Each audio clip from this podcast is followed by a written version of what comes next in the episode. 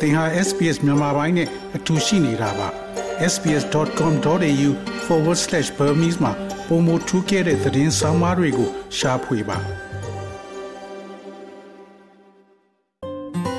SBS မြန်မာပိုင်းကို အင်ကာနဲ့စနေနေ့ည10:00နာရီမှနားဆင်နိုင်တယ်လို့အွန်လိုင်းကနေလည်းအချိန်မီနားဆင်နိုင်ပါပြီ။ ပြီးခဲ့တဲ့ရက်ပိုင်းကပြင်းထန်တဲ့အပူရှိန်တွေကြားနေ့စဉ်ကြော့ဖြတ်ရတဲ့မြန်မာပြည်သူတွေမျှော်လင့်ခဲ့ဆုံးကတော့မိုးရွာလာမယ့်အချိန်မှာလက်ရှိမှာမိုခါဆိုင်ကလုံးမုန်တိုင်းကြောင့်ဒေသတချို့မှာတိမ်ရှောင်ရတဲ့အခြေအနေတွေရှိနေပေမဲ့မုန်တိုင်းမလာခင်ကတည်းကတဘာဝဘေးထက်အပူကိုရော့စေခြင်းလို့မိုးမျှော်သူတွေလည်းရှိနေပါတယ်ဒီလိုပြင်းထန်တဲ့အပူချိန်တွေမူမမှန်တဲ့မုန်တိုင်းတွေနဲ့နောက်ဆက်တွဲသဘာဝဘေးတွေဟာသဘာဝပတ်ဝန်းကျင်ပျက်စီးမှုရဲ့အကျိုးဆက်တွေလည်းဖြစ်ပါတယ်။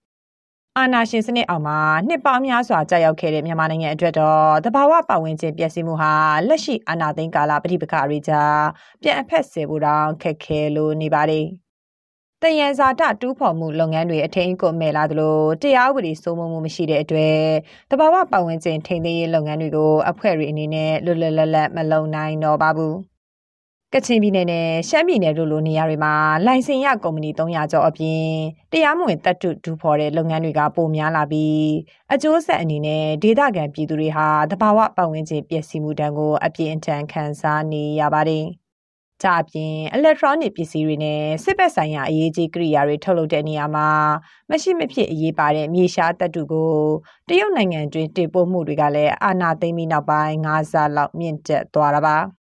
အယက်သားအစိုးရလက်ထက်မှာဒေါ်လာတန်80တင်သွင်းခဲ့ပြီးအာနာသိန်းကာလ2022ခုနှစ်မှာတန်400ကျော်တင်သွင်းခဲ့တယ်လို့တရုတ်အစိုးရရဲ့အကောက်ခွန်ဌာနကပြီးခဲ့တဲ့နှစ်ကုန်ပိုင်းမှာဖော်ပြခဲ့ပါတယ်။ဒီလိုတရားမဝင်တူးဖော်မှုတွေကိုကြက်ကြက်ပြက်ပြက်ဆောင်ရွက်နေကြပြီးရရှိတဲ့အကျိုးကျေးဇူးကိုပြည်သူတွေမရတဲ့အပြင်စန့်ကျင်ဘက်ဆိုးကျိုးတွေကိုသာလက်ဝဲခံစားနေကြရတာပါ။ အသက်24နှစ်အရွယ်ကချင်ဒေသခံဆိုင်မိုင်က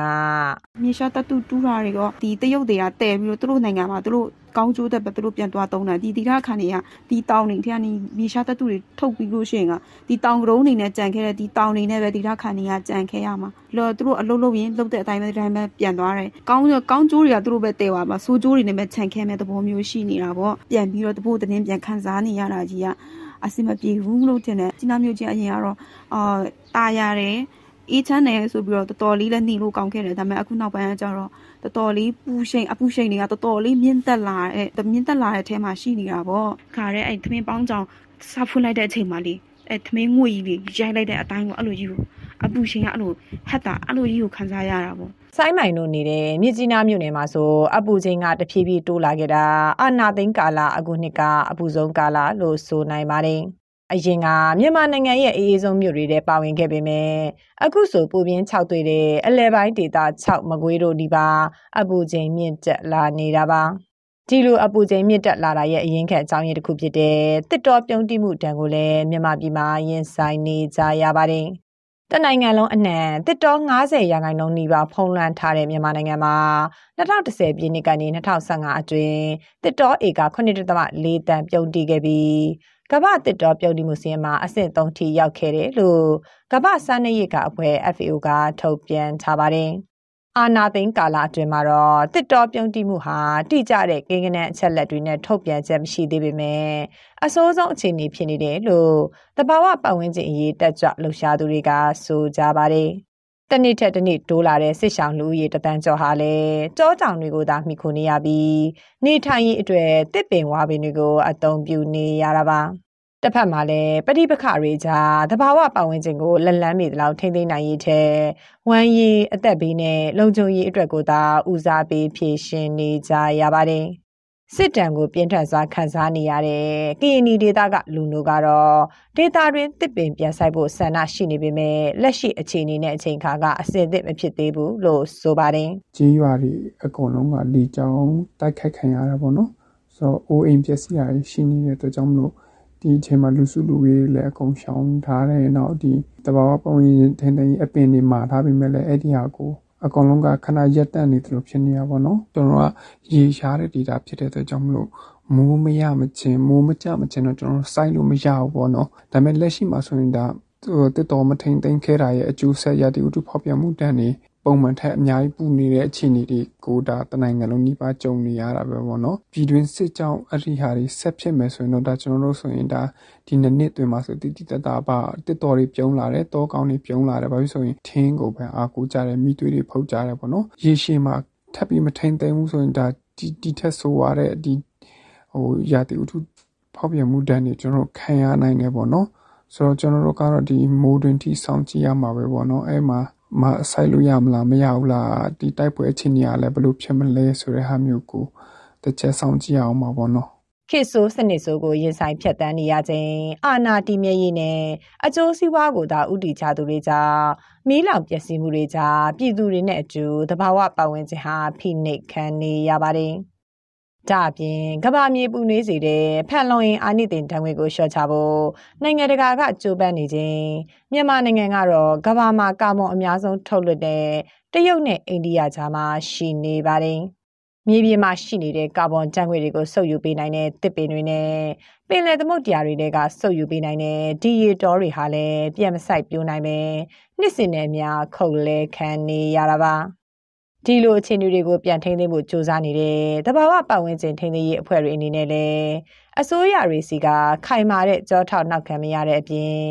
စီးပွားရေးလုပ်ငန်းချက်ထွင်လာကြသူတွေကိုရှင်းပြနိုင်တဲ့အင်အားမရှိဖြစ်နေပါတယ်။ရခိုင်ပြည်နယ်တွင်ဒီရီတော်ထိန်းသိမ်းရေးအဖွဲ့ကကိုမျိုးလွင်ကတော့သူရဲ့ အဖွဲ့အစည်းရဲ့ဌာနဆိုင်ရာတွေကနေပြီးခဲ့ပူပေါင်းပြီးခဲ့ဒီဒီလိုဒီရဲ့အရေးပါမှုဒီကိုငင်းဆောင်ရွက်ပေးတာတော့မရှိဘူးပေါ့နော်တချို့ချို့လောင်းဆင်တွေကအာအမျိုးပြည်သူအတန်းဝန်ကြုံပြနေတဲ့နေရာကိုအာလူနေစုတော့မဟုတ်လူသူတရားကနေပဲကြီးတော့ဖြစ်အာဗကြမွေးမြူရကန်လောက်လိုက်နေဆိုတဲ့အခါမှာအဲ့ဒီနေရာတဝိုင်းလုံးမှာရှိတဲ့အဲ့ဒီမွေးမြူရကန်ရဲ့အပြင်ဘက်မှာရှိတဲ့ဒီလိုရှေ့မှာရှိတဲ့ငေါပဇာဖမ်းဆီးမှုကိုလည်းသူကနီးပုံးစီနဲ့အဟန့်တမှုတွေကျုံရတဲ့အခါမှာကျွန်တော်ဒီဒီတို့ကိုထိမ့်သိမ့်ဖို့လိုအပ်တယ်အမျိုးပိုင်ဒီတို့ကိုရေစင်ပါနဲ့အမျိုးပိုင်အနေနဲ့အတည်နိုင်ဖို့အတွက်ဟိုထိမ့်သိမ့်တဲ့အခါမှာအဟန့်တက်တွေရှိလာတဲ့အခါမှာရေလောက်တော့အမျိုးစုကနေပြီးတော့အဲတန်တတက်တွေဆက်ပေါ်လာပြီးဆိုရင်ဒီသူကရုပ်တဲ့ဒေတာမှာရှိတဲ့ပြည်သူလူထုရဲ့အဲပညာရေးကျန်းမာရေးလူမှုရေးအကြကြကိုအာနေကြတော့နိုင်တဲ့အနေအထားကိုအခုပြုနေရတယ်ပေါ့နော် နိုင်ငံအာဏာအပြင်တရားဥပဒေစိုးမိုးရေးအုပ်ချုပ်ရေးစတဲ့ကဏ္ဍပေါင်းစုံကိုချုပ်ကိုင်မှုကြိုးပမ်းနေတဲ့စစ်ကောင်စီစီကနေမြန်မာပြည်သူတွေဟာတဘာဝပတ်ဝန်းကျင်နဲ့ဆိုင်တဲ့အခွင့်အရေးတွေတောင်းဆိုဖို့အခွင့်မသာခဲ့ပါဘူး။ climate justice လို့ဆိုကြတဲ့တဘာဝပတ်ဝန်းကျင်ဆိုင်ရာတရားမျှတမှုရရှိရေးအတွက်ဒီလိုအရာတွေကိုဖော်ဆောင်ပေးနိုင်တဲ့သက်ဆိုင်ရာအဖွဲ့အစည်းတွေအမြန်ဆုံးပြန်ပေါ်ပေါက်ဖို့လိုအပ်နေပြီလို့ကျွမ်းကျင်သူတွေကသုံးသပ်ကြပါတယ်။ လူသားနဲ့တဘာဝအပြန်အလှန်အမိတဟဲပြုရှင်သန်နေရမယ့်အချိန်မှာတဘာဝပတ်ဝန်းကျင်ထိန်းသိမ်းရေးကိုဂရုမစိုက်နိုင်တဲ့အတွက်အပူချိန်လွန်ကဲတာ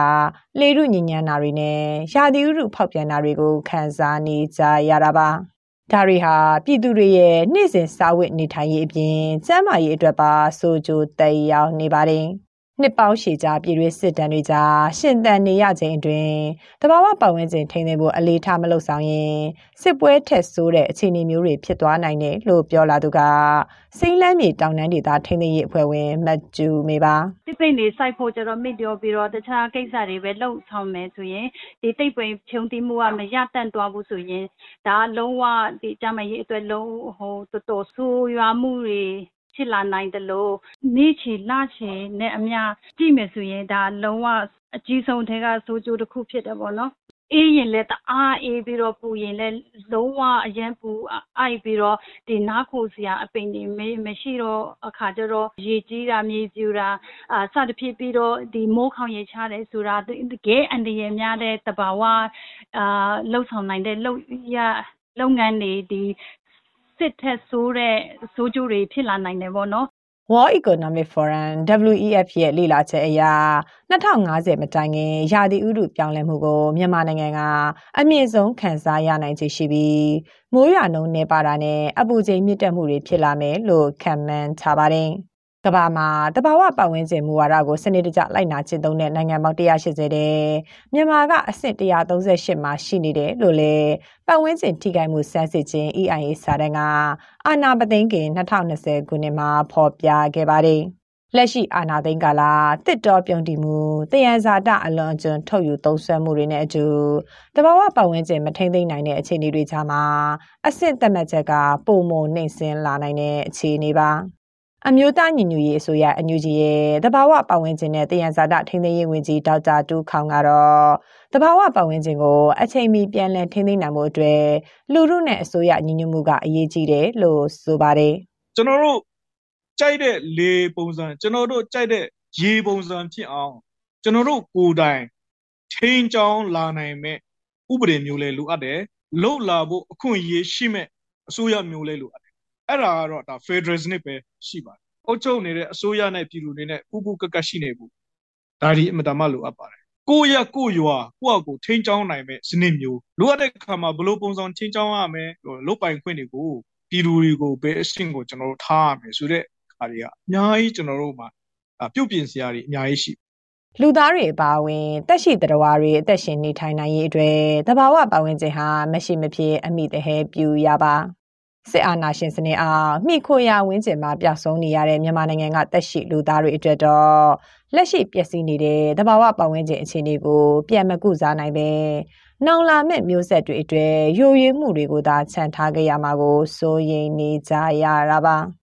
ဒီသတင်းဆောင်မကိုတန်လွင်ခက်ကပေးပို့ကြတာဖြစ်ပါတယ်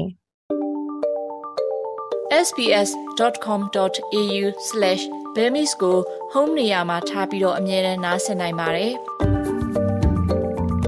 နောက်ဆုံးရသတင်းတွေ၊စောင်းမားတွေနဲ့စစ်တမ်းတွေမှာပါဝင်ပြီးတော့ဆက်သွယ်မှုလုပ်နိုင်ပါတယ်။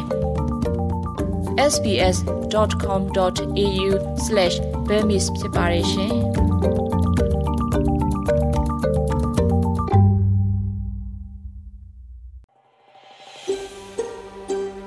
ဒါမျိုးသတင်းဆောင်မတွေကိုပိုနားဆင်လိုပါလား Apple Podcast Google Podcast Spotify တို့မှာသင်ပင်ရာဖြစ်ဖြစ်ရယူတဲ့ podcast ကနေပါ